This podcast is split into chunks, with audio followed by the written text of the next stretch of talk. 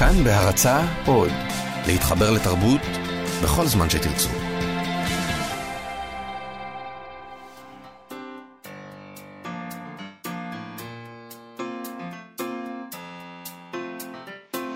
מה שכרוך עם יובל אביבי ומה יעשה לה. שלום, צהריים טובים, אנחנו מה שכרוך, מגזין הספרות היומי של כאן תרבות, כמו כל יום ב-12 אנחנו כאן, אפשר להזין לנו ברדיו, באינטרנט, באפליקציה, שלל דרכים אה, שונות ומשונות, ואם פספסתם את השידור החי, אתם אפשר, לה... תמיד יכולים להזין לנו בעמוד הפודקאסטים שלנו, לשם עולות כל התוכניות שלנו וגם שאר התוכניות המעולות של כאן תרבות. שלום למאיה סלע. שלום יובל אביבי, שלום לעורכת שלנו מיטל כהן ולמיכאל אולשוונג, שלום לכם.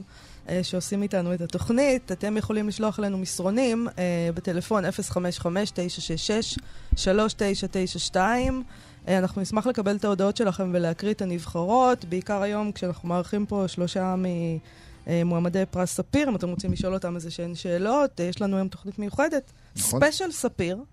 אה, אתמול פורסמה הרשימה הקצרה של המועמדים לפרס ספיר של מפעל הפיס.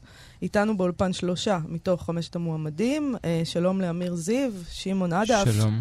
שלום. ונועה ידלין. אהלן. אהלן. אמ, לצערנו, שני המועמדים האחרים, סמי ברדוגו ואסתר פלד, לא יכולים היו להגיע לאולפן. ברדוגו מלמד באוניברסיטה, הוא ידבר איתנו בתוכנית של מחר. נכון. ואסתר פלד אה, לא יכולה להגיע, אבל יכול להיות שהיא תצטרף אלינו בטלפון בהמשך, אה, בהמשך השעה. נראה מה יהיה. אוקיי, אז, אה, אז דבר ראשון אה, היוצא דופן פה בסיפור הזה השנה, אה, הוא ששניים מהמועמדים לפרס, שכבר מביטים זה, ב- כאילו, זה כבר הייאוש, כבר כמה דיברו איתם על זה מאתמול. אוקיי, אה, שניים מהמועמדים לפרס הזה כבר זכו בו בעבר. אה, זה לא סופרים שזוכים בפרס, אלא ספר, כך שזה יכול להיות גם פעם שלישית ורביעית. שמעון עדף זכה על מוקס נוקס, אה, נועה ידלין על בעלת הבית. נועה זה דבר שמתרגלים אליו. פשוט זוכים בפרס או, בעוד פרס. ו... עוד לא זכיתי בעוד פרס. לא, אבל נגיד, התחושה שלך עכשיו, באמת, אה, נגיד כשהודיעו לך שאת עלית לרשימה הקצרה, כן. היא אולי שונה מהפעם הראשונה שבה זה קרה. אה, כי עכשיו זה מין... זה, זה, אה, זו תחושה שונה, אה, אבל אה, בסופו של דבר זה פשוט, אה, תראי, החלק הקשה הוא לכתוב ספר. כן. אה, זה מה שקשה. וואו, נכון, לא חשבתי על אה, זה. זה כן. הרגע הקשה. האמת שכמו שהבן זוג שלי אומר, לכתוב ספר זה לא קשה, אבל לכתוב ספר טוב זה די קשה. אוקיי.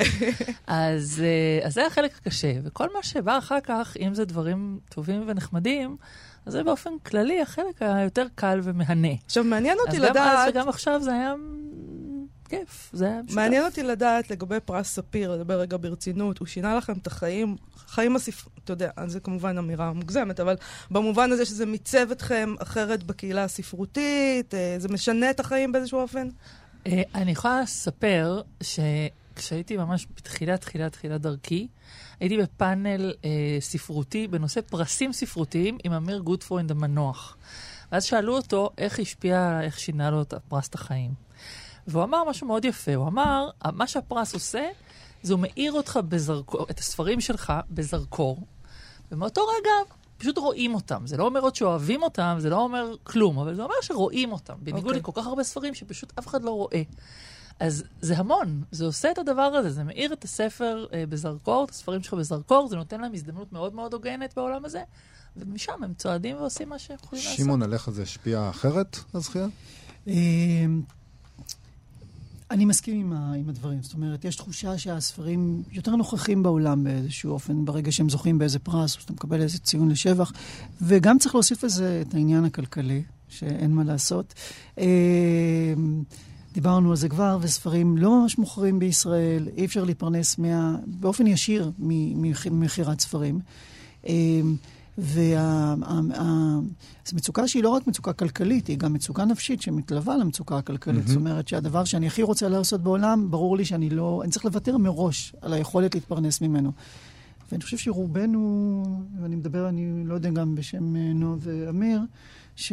אה, שאנחנו מתפרנסים, מתפרנסים מהפריפריה של הכתיבה. מהמם. כן. כמובן שמלמדים כתיבה, נותנים הרצאות על כתיבה, כותבים לעיתון, אה, ופתאום ה... הפרס הזה שקול, או כל פרס שקול למכירת, אני לא יודע מה, 20 אלף עותקים מהספר. ו- ו- ו- ואני חושב שיש לזה חשיבות, במיוחד ב- ב- אה, במציאות שהיא...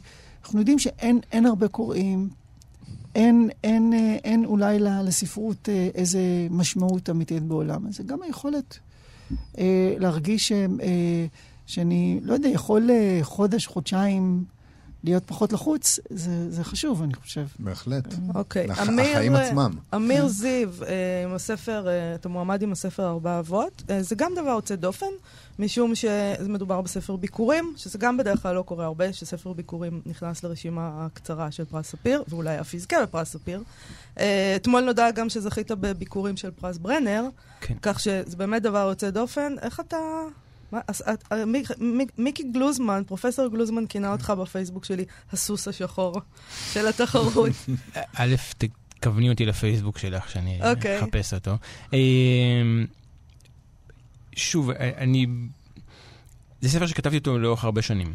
אה, הרבה שנים כתבתי, ואת הספר המסוים הזה כתבתי, נניח, הקדשתי לו את שש השנים אה, לפני שהוא יצא. זה דרש הרבה מאוד זמן ו... התכוונות ו... ו... ו... איזשהו רצון באמת לאסוף את כל מיני פיסות שלאורך השנים הצטברו במגירות ולאגד אותן ולחבר אותן וליצור מהם משהו שהוא, שאפשר, שהוא רומן שלם ולא קרעים ילדותיים של, של העבר. וכשזה כשזה יצא, אני הרגשתי שזה כבר, שזה כבר בשל ואני שמח שזה התקבל כ- כספר בשל, ושאלת על ספר ביקור, זאת אומרת, הוא התקבל כספר. נכון, אוקיי? הוא נכון. התקבל כספר ולא כ... לא כספר ביקורים. כן, אולי גם מכיוון שאני כבר לא ילד, אז אני, אני כבר לא ביקורים בעצמי, זאת אומרת, זה כבר לא... כן. אין פה התייחסות כזו של אה, מישהו שסיים צבא, רץ לאוניברסיטה ופרסם את ספרו הראשון, אז... כן, אז... אוקיי, אז בואו רק נזכיר אה, מה כוללת הזכייה בספיר. אה, זה ככה, כל אחד מהסופרים ברשימה הארוכה שהייתה, של ה-12, זכה למענק ממפעל הפיס בגובה 20 אלף שקלים. כל אחד מכם מהסופרים ברשימה הקצרה יזכה למענק של 40 אלף שקלים. ב-22 בינואר יבחר חבר השופטים מתוך הרשימה הקצרה את הזוכה בפרס, שיקבל 150 אלף שקלים. ובנוסף, ספרו יתורגם ויצא לאור בשפה הערבית, וכן יתורגם לשפה זרה נוספת על פי, על פי בחירתו. Uh, מפעל הפיס גם רוכש מהדורה בת 500 ספרים מספרי הרשימה הקצרה, ומהספר הזוכה בקטגוריית הביקורים, ומעניק אותם לספריות ציבוריות ברחבי הארץ. Uh, גם הזוכה, הזוכה בפרס ספר ביקורים של ספיר uh, ייחשף במחצית השנייה של דצמבר. Uh, זה תמיד משמח אותי לקרוא שהספר הזוכה uh, מתורגם לערבית, אבל אף פעם לא שמעתי מה קורה עם זה בעצם. את, אתם פגשתם קוראים שלכם בערבית? אתם מסתכלים, לא, אני לא, רוצה להגיד למאזיננו כל הזמן שנועה, מחליפים. ידלין ושמעון אדוף מסתכלים אחד על השני. אני חייב אין תשובה נכונה, זה לא אוקיי. מבחן. אני- אה, צירוף מקרים ממש מוזר. נועה ואני השתתפנו באירוע ספרותי ביום שישי, שלפני היום הראשון שבו הכריזו על הרשימה הארוכה. ודיברנו על כל השאלות התרגום, שאלת הערבית, אז זה אוקיי. כמו קצת איזה סוג של שידור חוזר של שיחה אז שניהלנו. ספרו, ספרו. אה, הספר, אה, אה, בעלת הבית ב- ברגעים אלה מתורגם לערבית. כלומר, יש לי... אה, או, זה לקח. הרבה זה שנים. לוקח זמן. אוקיי. אז יש לי ברגע זה אה, שאלות מהמתרגם בתיבת המייל שלי, אז אני עוד לא יודעת אם אה, כל צבאות ערב יצבעו על דלתי עם שאלות על בעלת הבית. ב- זה תוך מתרגם זמן מישראל? כן, כן, אתה מתרגם איך זה? אה, למה זה ערבי לוקח כל כך ישראלי. הרבה זמן? זה לקח, אה, זה צריך לשאול את מפעל הפיס, אני חושבת שזה כל מיני דברים טכניים. אני- ממה שאני הבנתי, זה לא כל כך פשוט למצוא מתרגמים, אה, אה, לא יודעת, אבל אה, זה לקח זמן, אבל שמעון כבר... שמעון שלך תורגם? אה, אז, אה, כן, הוא תורגם לערבית ויצא, אני לא יודע מה היה גורלו אחרי זה. אתה לא יודע למשל איפה הוא הופץ? מה היו הניסיונות להביא אותו למדינות אחרות? אני חושב שיש פה את העניין של היחסים בין פלסטינים, תושבי. ישראל, לבין ערבים, זאת אומרת, תושבים של מדינות אחרות, ומה היחסים גם של החוגים הספרותיים. כן. החוגים האינטלקטואליים ברובם בארצות ערב הם אנטי-ישראלים, זה לא, לא משהו שאני מגלה. אז אני חושב שספרים שיוצאים בישראל בהוצאות לאור ישראליות, זאת אומרת שבשטחי ישראל, יש להם קושי להגיע לארצות ערב. ודאי. מה, אני, אני יודע שהתגובה היחידה שקיבלתי, שסטודנט מאוניברסיטת קהיר כתב לי מייל אה, אמר לי שהוא, אה, היו לו כמה שאלות, שהוא רוצה לעשות את המאסטר שלו על אה, אה, מוקס נוקס. נהדר. יש שם חוג- לספרות עברית אה, מאוד מפותח שם. עברית מצוינת. זאת אומרת, נכון. בהתחלה חשדתי, כי זה המייל בעברית. יותר מדי טוב. מליצית, אבל אוקיי. חשבת שעובדים עליך? ואז, ואז התחלתי לחפש... מה אה, פוגג את זה, הזה? שיש תמונה של אדם עם אותו שם באתר של אוניברסיטת קהיר, אז נראה לי ש... כנראה שזה זה. זה מתיחה מוגזמת, שמישהו יטרח עד כדי כך. אה, ועניתי לו, אבל לא אני לא יודע מה קרה עם זה. לאיזה לאיזה שפות בחרתם? מהשפה הנוספת אה, בחרתם? ולמה? נדמה לי ששנינו בחרנו אנגלית, כן. נכון? אה, הגיוני. כן. זה זה הגביע הקדוש, נכון? רגע, אבל קרה? טעות. זה טעות? זה טעות? למה זה טעות?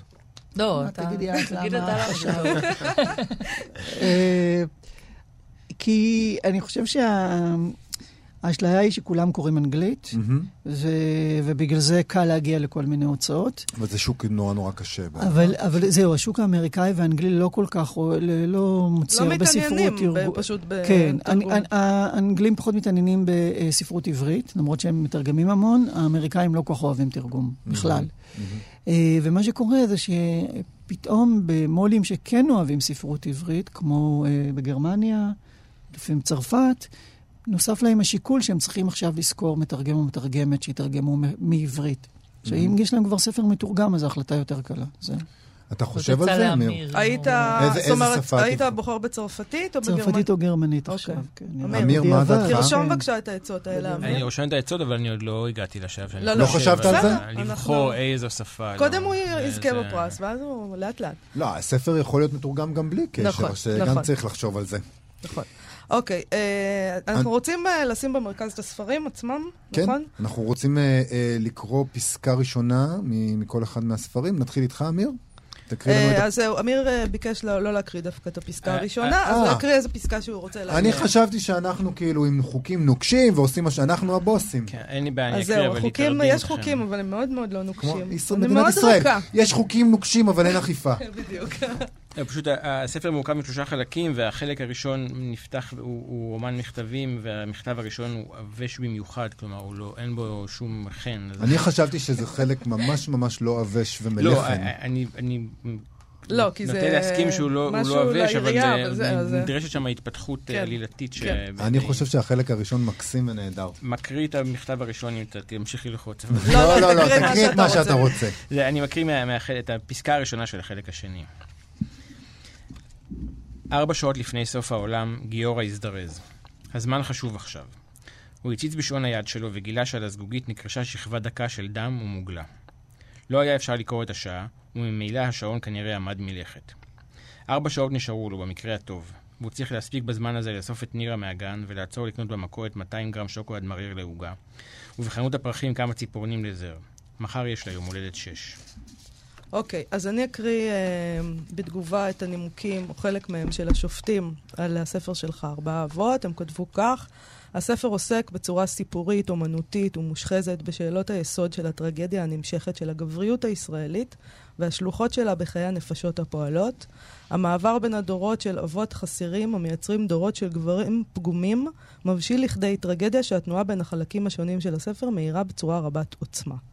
Uh, אתם יודעים איך זה שהסופר uh, כותב ספר, ואז יש את המבקרים שמבקרים והמנתחים שמנתחים? אז אני החלטתי, אנחנו החלטנו שאנחנו נשאל אתכם uh, שאלה זהה אחת, והיא, על מה אתם כתבתם? אז אמיר זיו, על מה אתה כתבת? כי אנחנו כבר דיברנו והגגנו, והנה השופטים כותבים. על מה כתבת? אה, אני חושב ש... שוב, באמת, גם הנימוקים שאת הקראת כרגע וגם אה, חלק ניכר מהביקורות אה, הלכו לכיוון האבהות ומעמדו של הגבר החדש וכולי, אבל אני... כשכתבתי לא, לא סימנתי את זה כ, כנקודת מוצא או נקודה שאותה אני... אלא אני כתבתי ספר על המורכב... בעיניי, כתבתי ספר על המורכבות של אה, יחסים משפחתיים. אה, על הקושי, אה, באמת בהקשר אה, כש, כשמתערבבים פנימה, אה, אה, זאת אומרת, לא רק אה, גבר-אישה, אלא כש, כשמשתלב פנימה דור ההמשך. ב, ב, והזעזועים שזה יוצר, וסוגי היחסים שמשתנים, והרגשות ש, ש, שנולדים כתוצאה מזה. וזה... גם מכיוון שזה היה, זו הייתה הספר הראשון, והוא כתיבה מאוד אישית, והוא, והוא ככה יושב על, על המון דברים שכתבתי לאורך השנים, אז שם נמצאתי. כלומר, ב, ב, בהתעסקות הזו של... אה, בגיהנום שהוא המשפחה. אה, אני אפילו לא סבור שזה גיהנום, אני גם, גם, גם את המילה גיהנום נאמר, רק הבוקר מישהו שאל אותי איזה, באיזה רעיון אחר. ו... אני לא יודע איזה גיהנום, אלה החיים. החיים הם לעיתים מאוד קשים ולעיתים מאוד אה, מסובכים ומורכבים, ולפעמים הם גם נורא, נורא כיפיים אה, בתוך התא המשפחתי הזה. ו... וכן, המורכבות הזו היא, היא מה שליוותה אותי לאורך הדרך, ו... ובאמת את ה...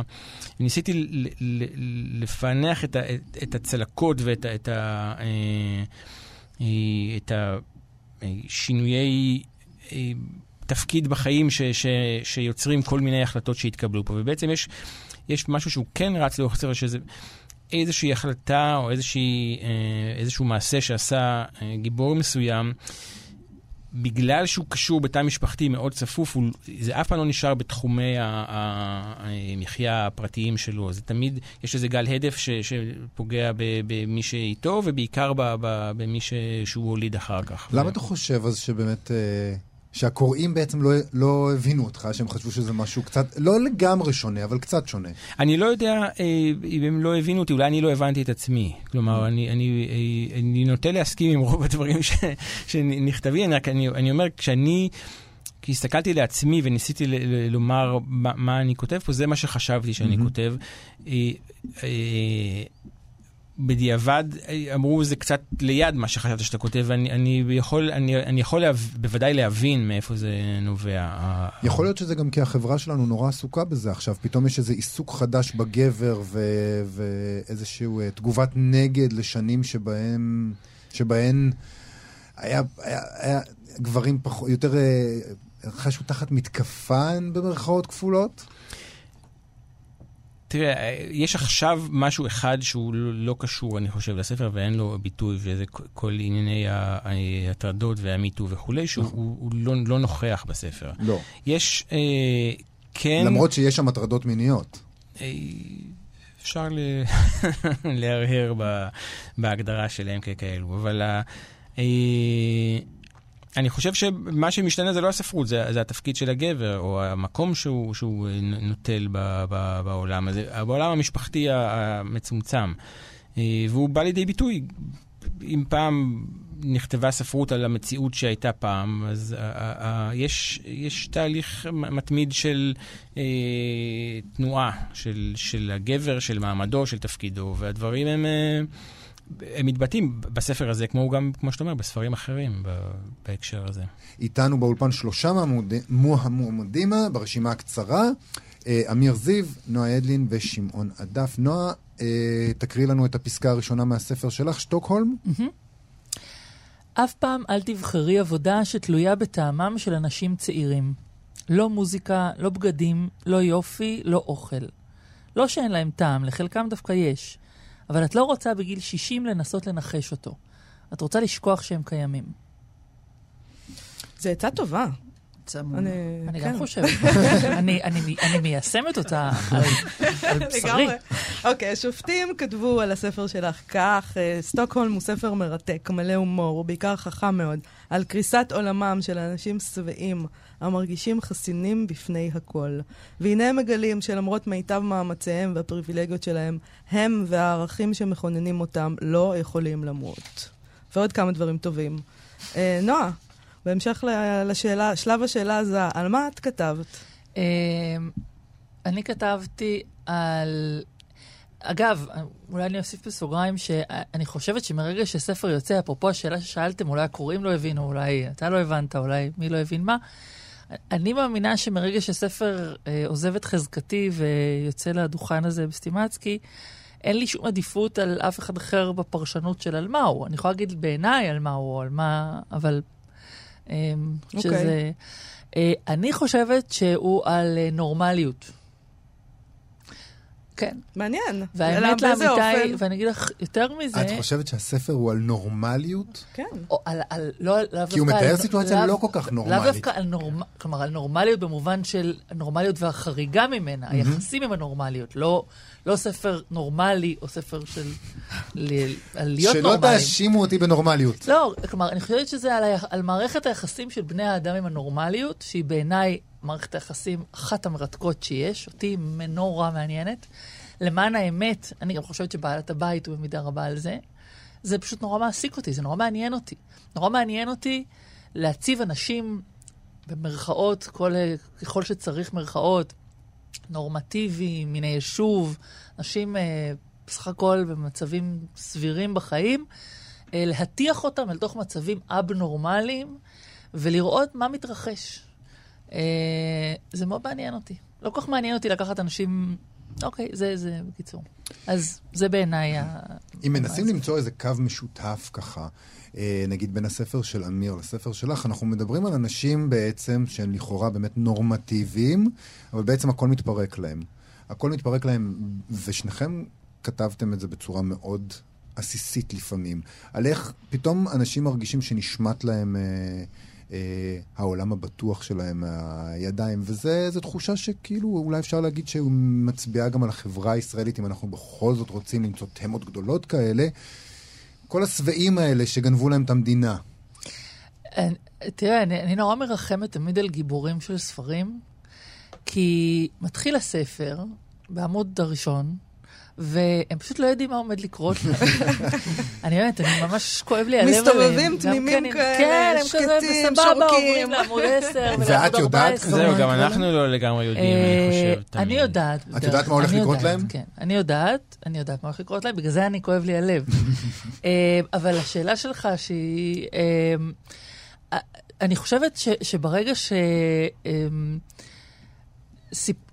אה, ברגע שסיפור הוא מעוגן ב... נגיד, הסיפור שלי הוא על סיפור של אנשים בני 70. כל הגיבורים של הספר הזה הם בני 70. אה, ואין בספר הזה פתחון פה בכלל, אין פה אף בן אדם בן 40 שפותח את הפה. אה, אנשים בגיל הזה סתמתי להם את הפה, די, הם מדברים באמת מספיק. לא, גם מה יש. להם להגיד לאנשים מתחת לגיל 40? בינינו. זה לגמרי. אין להם מה להגיד. כולל אותך, אין להם יובל. מה להגיד והם מדברים בלי רגע, סוף. כולכם מעל גיל 40? אני היחיד פה מתחת לגיל 40? כן, ואתה יודע, כן. שמור על הפה שלך. יהיה לך מה להגיד. לא, אני לא שומר על הפה שלי אבל בדרך כלל. יהיה לך, יהיה לך מה להגיד. עוד שנתיים? יהיה כן. מותר, בסדר. אז, אה, אז, אז אני חושבת שברמה של התמה היותר אה, של החברה והתמה הלא- הלאומית או, ה, אה, או החברתית היותר גדולה, עניין אותי השכבה, איזושהי שכבה של גיל ושל דור, גם בגיל של המדינה, אפשר לעשות מזה, אתה יודע, אני לא, אני לא בעד לפרשן את הספר של עצמי ולעשות לו, אבל אה, זו שכבה שאני מרגישה שלא כתבו עליה כל כך, אה, אה, היא לא מיוצגת בספרות בכלל. לא שספרות היא דמוקרטיה וחייבת ייצוג לאף אחד, אבל היא שכבה נורא מעניינת. והיא שכבה מאוד חדשה של בני 70, שזה לא סבים וסבתות שיש להם חוכמת חיים והם מבשלים, והם, זה כבר לא זה.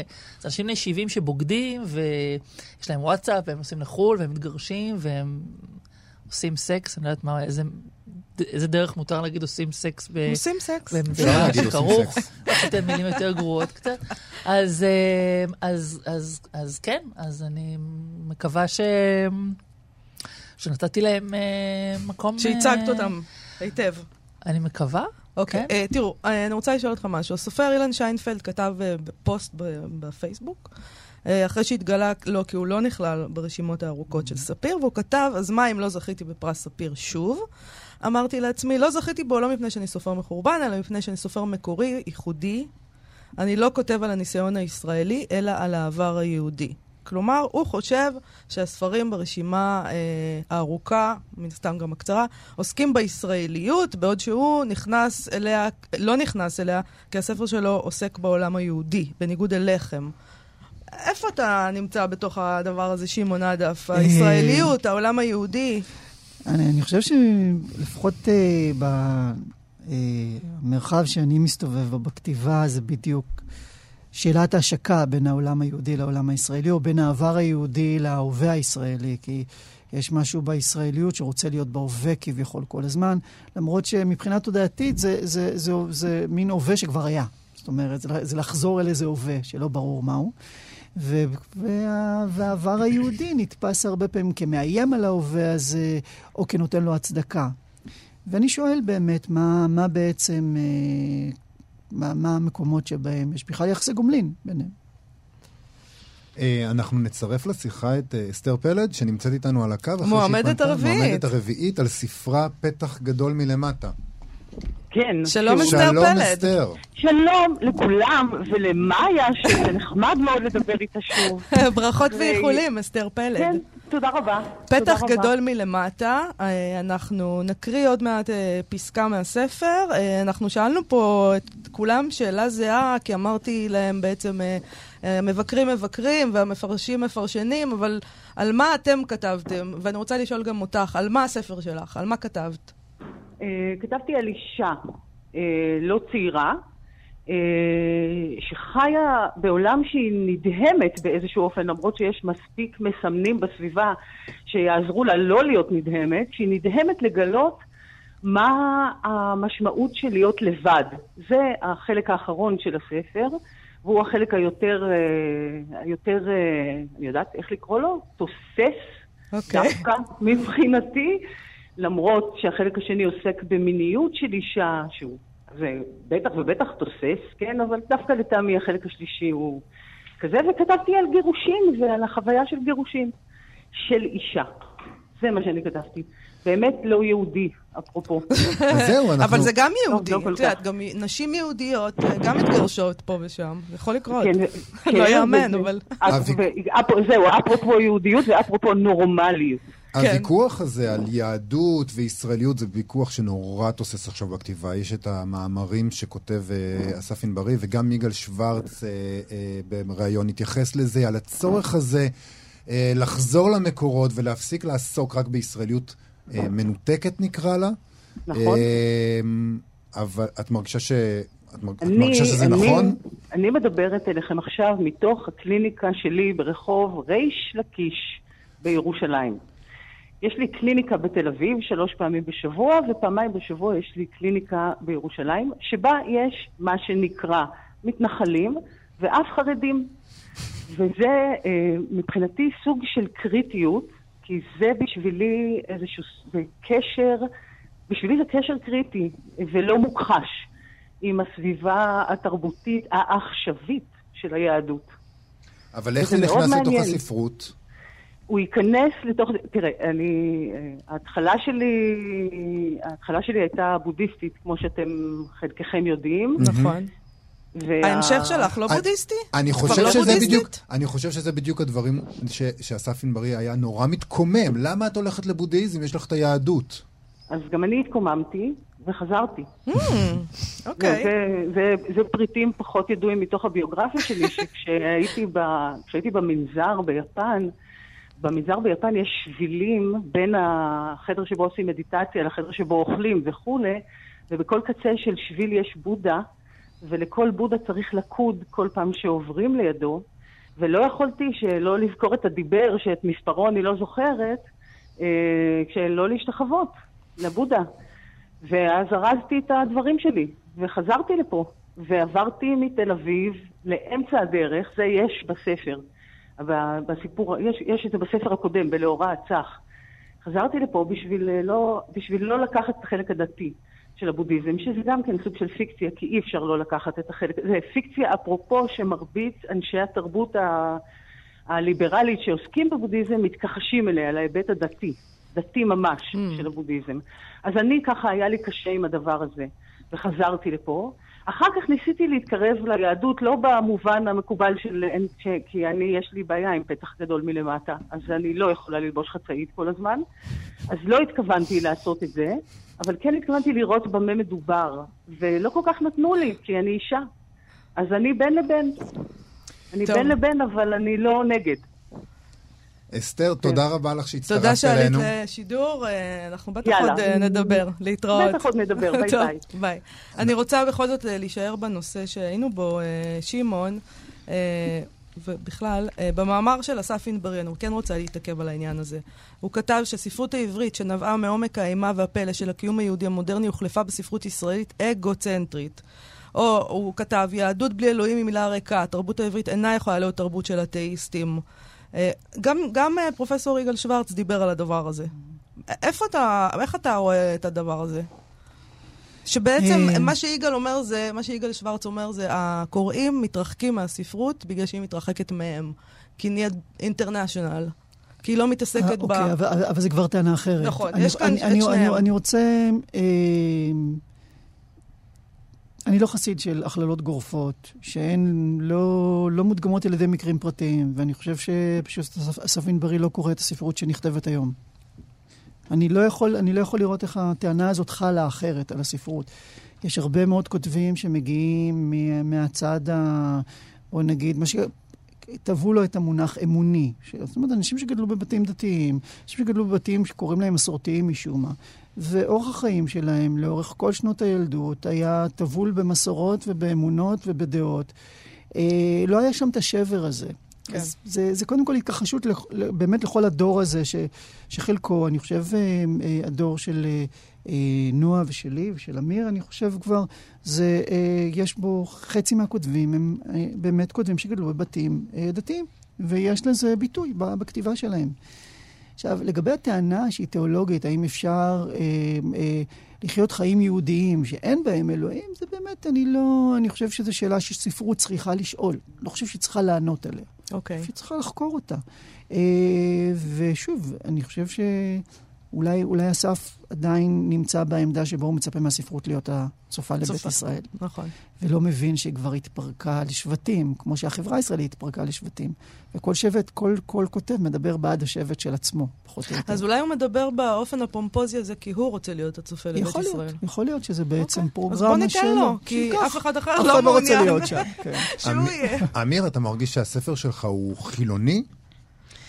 אני מרגיש שהספר שלי, אה, מאוד השתדלתי שהוא יהיה, אה, זה- זה משהו שנעשה במודע, מאוד מנותק מהקשר לאומי.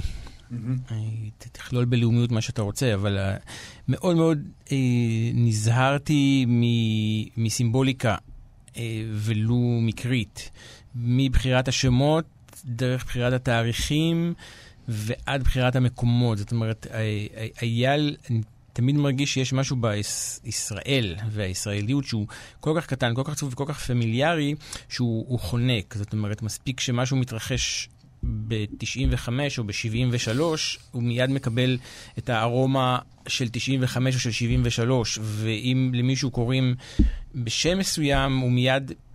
ונורא, אה, הרגשתי שברגע שאני, ש- שאני נוגע במשהו כזה, זה מיד, אה, אז אתה כבר חייב להתייחס, וכבר יש, אה, ונורא... וזו ממש התנגדות כאילו למה שסופרים שרוצים להיות הצופה לבית ישראל עושים, שתמיד השמות שלהם הם נורא בעלי משמעות וכולי.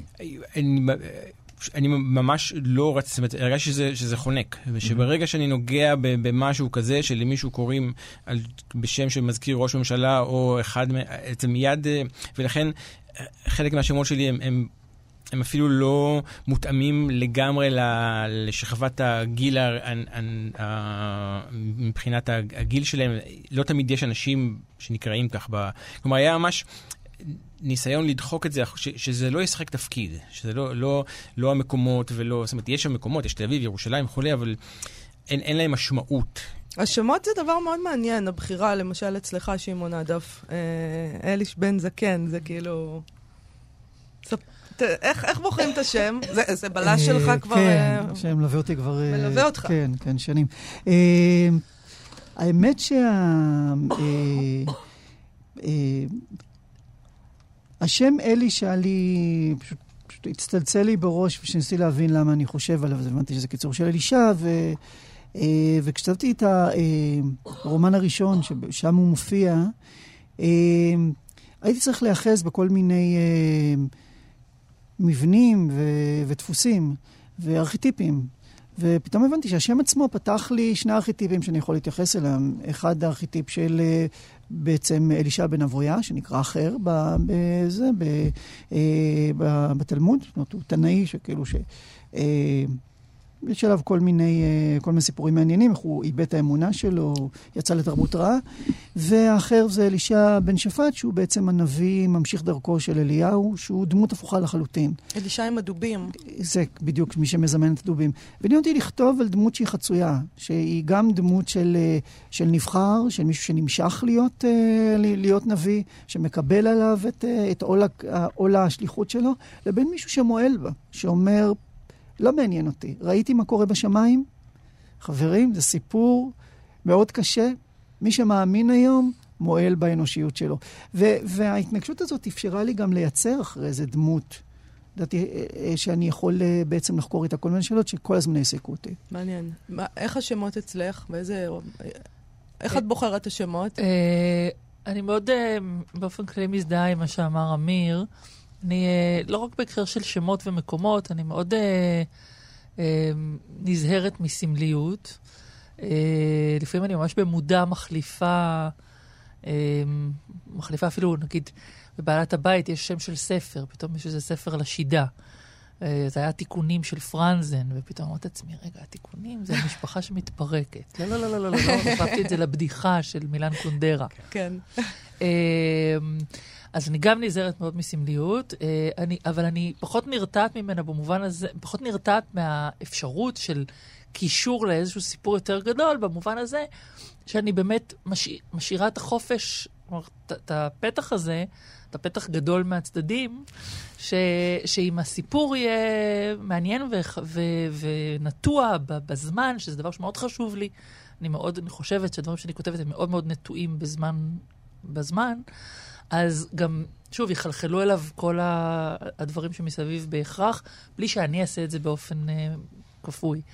Uh, אני מאוד אוהבת לבחור שמות לדמויות. קודם כל זו הזדמנות לתת לדמויות את כל השמות שאני והבן זוג שלי לא הסכמנו עליהם לילדים. אני פשוט משפריצה אותם על כל מיני דמויות שאני אוהבת. אה, וגם אני, זאת מלאכה נחמדה, כי זאת מין מלאכה מאוד מאוד אה, עדינה של להתאים את, ה, את השם לשכבה חברתית, לגיל, לסביבה, לפעמים לחבר בין השמות של האחים. כלומר, צריך ליצור פה איזה מארג שהוא מאוד מתקבל על הדעת והוא מעניין. אה, אני אוהבת את זה. זהו. שמענו עד כה את פתיחת הספרים של אמיר זיו ונועה ידלין. אנחנו מבקש, נבקש עכשיו משמעון עדף שיקריא לנו את פתיחת הספר שלו, בבקשה. טוב, זה לא פתיחת הספר, אלא סופו, אבל אין פה... בסדר גמור, אני לא בלי ספוילר, אבל. אני לא מתחכם אליה, הסופר. אה, אבל אה, זה פשוט המשך לדברים שדיברנו עליהם קודם. אוקיי. אה, בכוח שהשיר נותן לי, אני שרה. אני שרה והשיר מושר, חותר בזמן מרחב ומגיע אליי. אני שכותב את קורותיהם של הדמויות הללו. גם אני מאזין לו. גם אני יושב במרווח שבין לידה וחידלון ומחכה. אף שאני יודע כמה פעוטה הציפייה. כי בקצות הדברים, מה מהמסכת הסבוכה של פועלנו נותר במבט הרנטגן של האל. רק דפי גמרא. צריכה אמרה זאת ואמר זה, מעשה בתנור רבנן. השופטים כתבו על הספר שלך כך: כוחו של ספרו של שמעון הדף קומקרא לפני כל דבר אחר, טמון ביכולתו לכתוב את החיים מתוכם ומחוץ להם גם יחד. התביעה שבשם, שבשם הספר קומקרא משתקפת בדרישה של הדף מקוראיו ומקוראותיו, ועוד הרבה דברים, אבל השאלה הזהה, על מה כתבת? אה, האמת שבספרים האחרונים שלי אני מנסה לא לדעת על מה אני כותב. זאת אומרת, הם סוג, סוג של... אה, הם, אני חושב שבמידה מסוימת אה, אה, אני לא מספר טבעי. זאת אומרת, יש סיפור שנורא מעניין אותי לספר אותו. אני מאוד אוהב צורות, אני מאוד אוהב מבנים. ואם יש מבנה או צורה שמעניינים אותי, אז אני אומר, אוקיי, אני אלך עם הצורה והמבנה ואני אראה לאן, לאן, לאן הכתיבה לוקחת אותי. ואני זוכר שישבתי לפני כמה שנים באיזה פאנל, והיה... היה צריך להציג, אה, כל אחד מהיושבים בפאנל היה צריך להציג את הספר שלו שלה במשפט אחד. פתאום אמרתי, אני לא רוצה לכתוב יותר ספרים שאפשר להציג במשפט אחד, כמו ילד אוטיסט שהכלב שלו נרצח. לא, לא, או, או בכלל ספרים שאפשר, ש, שבעצם שם הספר, אה, הזקן שיצא מהחלון ונעלם. מעניין על מה הספר. אה, ו, ו, אה, ואז אמרתי, טוב, אני צריך להתחיל למצוא איזו אסטרטגיה שאני יכול לכתוב ספרים שבלי... טוב, זה כנראה נורא מצחיק. אה, אה, בלי שיהיה להם אה, בהכרח נושא ברור או סיפור ברור, אלא הם יהיו מין סוג חקירה שהולכת ומתפשט. עכשיו, לפעמים, לפעמים, בסופו של דבר יוצא סיפור מאוד קוהרנטי, כי זה כי לפעמים. בני אדם. לפעמים כי אה, בני אדם נוטים לקשור קשרים ולייצר זיקות. אבל אה, לפעמים, אני חושב, כמו בספר הזה, נוצ... פשוט, אה, פשוט פיסת חיים. אבל זה, זה בדיוק העניין, נוצר לך מין שם כזה של כותב כן אניגמטי וכן מפותל וכולי, וזה מתבטא... סופר של סופרים. ב... לא רציתי להגיד את זה, אבל לעשות? כן. מה זה לעשות? כאילו- זה מה שאומרים, נכון? לא זה, אבל... אה, אה, יכול להיות שזו קריאה שמאוד קשה לקוראים בני זמננו? אני באופן, שוב, אני קשה לי לדעת מי הם הקוראים בני זמננו, ואני, זו שאלה קשה. היא, היא הרבה פעמים, יש מין דמיון של איזה קורא או קוראת ממוצעים, ואז נוטים להניח לגביהם כל מיני הנחות שהן לא מחמיאות להם. אה, שקשה להם לקרוא באופן כללי, צריך כל הזמן לפתות אותם, כל הזמן לזרוק להם עצמות. ואני אומר, אני, אני פשוט, אני, אני פונה לספרים שאני קראתי בתור צעיר, בתור בן 20, בתור בן 30, ושואל את עצמי מה עניין אותי בהם. ו- והרבה מה שעניין אותי זה התחושה הזאת שספר מזמין אותי להיכנס אליו כסוג של מרחב ואומר לי, אני סומך עליך. אה, אני רוצה לשאול משהו, אפרופו השם שנתת לספר שלך. קום קרא, כן. זאת קריאה... אה, עוד, הזכרתי את הריאיון שנתן אה, יגאל שוורץ כן. בשבוע שעבר, הוא אמר, אה, אף אחד לא קורא את שמעון אדולף בשדרות. זה אפרופו מה שאתה אומר עכשיו. אה. כותבים הכי חשובים כאן היום, אורלי קסטלבלום, לאה ניסמי ברדוגו, נמכרים במאות בודדים, 300 אה. עותקים. אמ, אני לא יודע אם לא, אם אין אה, שניים, שלושה אנשים שקוראים בשדרות, אה, שקוראים אותי, אבל אה, אני, כן, כן, כן יכול לראות ש... ש... קרה משהו אה, מהותי לתרבות הקריאה. אני לא חושב שאנשים קוראים פחות, נגיד בגלל אייפון או בגלל מכשירים. אני חושב שאין קוד משותף יותר לקוראים. במובן הזה, אני יודע כי אני מלמד במשך שנים באוניברסיטה, ואני רואה מחזור אחרי מחזור של כותבים שבאים ללמוד. ובכל שנה אני שואל, אוקיי, תגידו לי מה הספרים שאתם הכי אוהבים. ובשנים, לפני עשר שנים, פחות או יותר הייתה מין הסכמה, ואנשים אמרו לאורלי קסלבלום, אמרו אדגר קרת. ובשנים האחרונות, אני לא מזהה את רוב הספרים ש... שהם, שהם קוראים. הם וגם כל שייכים- אחד דבר- משהו כל אחר. אחד משהו אחר לגמרי. אין יותר התחושה- קאנון, אין יותר את את כן, הקורפוס אין- הזה אין- אין- שמגדיר אין- את ה... כן, בדיוק. ואני חושב שמה שקורה זה שכל, יש קהילות, וכל קהילה קוראת את הספר שלה. אתם גם כן מרגישים את זה? אין, אין, אה, אמיר, אה, נועה? אין קוראים יותר? אני אה, מוכרחה להגיד שאני פחות אה, פסימית. באופן כללי אני אדם די פסימי, אבל אה, דווקא ב... בעוד באירופה הייתי די כזאת, אבל אה, דווקא בהקשר הזה יש לי, יש בי איזו אופטימיות אולי מטופשת ואולי אה, נאיבית וחסרת בסיס, אבל אה, אני, יש לי איזו אמונה מאוד מאוד עמוקה ב, בסיפורים טובים ובכתיבה טובה, שאני חושבת שהיא דבר... אגב, חשבתי ככה גם בימיי בעיתונות. יש נורא מעט כותבים טובים, וגם בעיתונות יש נורא מעט כותבים טובים, וגם בספרות יש מעט כותבים טובים, ו, ו, ואני מאמינה באיזשהו סוג של צדק אה, שנעשה בסופו של דבר, במידה כזאת או אחרת, שכשמשהו מעניין והוא טוב, אה, הוא מקבל איזשהו מקום בעולם, ובעולם זה אומר גם אצל קוראים. איזה יופי, איזה אה, נפלא, זה ממש מרחיב את הלב, אה, מאמינה לא- בצדק. לא אני לא מאמינה בצדק מוחלט ותמיד, ובוודאי העולם מלא בחוסר צדק, אבל, כן, אה, אה, הנה, אז אוקיי, אז הספר של, אה, של שמעון אה, מקבל... אה, הוא לא זכה להתייחסות הביקורת, אבל כן, הוא זוכה אבל הוא- להתייחסות אי אפשר- אי אפשר אה, ספיר. בסוף אה, אוקיי. להתעלם. אה, כן. אמיר, לא אנחנו, יודעת, אני- אנחנו לקראת אה, סיום. אתה רוצה להגיד מילה אחת על הדבר הזה? רק לחבק את האופטימיות אה, של נועה. כן, אני זה היה רגע טוב. לא בטוח שאני? לגמרי מסכים איתה, אבל אה, זה כבר בשיחה הבאה. טוב. טוב, אז אנחנו אה, נאלצים לסיים. נאלצים לסיים, למרבה הצער. יכולנו להמשיך איתם עוד איזה לגמרי שעה. לא שאלנו הרבה דברים נכון, שרצינו לא לשאול. דיברנו על ביקורת, איך לא לדבר. דיברנו על הביקורות, יא אללה. אני רק אוקיי. רוצה להתחנן ששמעון יכתוב את הספר על הילד האוטיסט שהכלב שלו נרצח. אני ממש מבקשת ממך אוקיי, אישית. נצא מפה בקריאה אישית. אחרי שהוא ברח מהחלון. אה, טוב, אנחנו סיימנו להיום, אנחנו נהיה פה שוב מחר, נכון? נכון. בשעה 12, אה, כמו בכל יום, בין ראשון לרביעי אנחנו כאן. עם סמי ברדוגו היחיד שלא דיברנו איתו נכון, היום. סמי המועמד ברדוגו יהיה איתנו מחר. אה, אנחנו- אפשר למצוא אותנו באתר האינטרנט של כאן, או באפליקציה כאן אודי, ובעמוד הפודקאסטים. תודה למיטל כהן ולמיכאל אולשוונג. תודה רבה לנועה ידלין, לשמעון עדף, לאמיר זיו, מועמדי פרס ספיר. שיהיה תודה לכם לכם. בהצלחה. תודה תודה רבה. ממש. מהנה. תודה, תודה להתראות. רבה ולהתראות.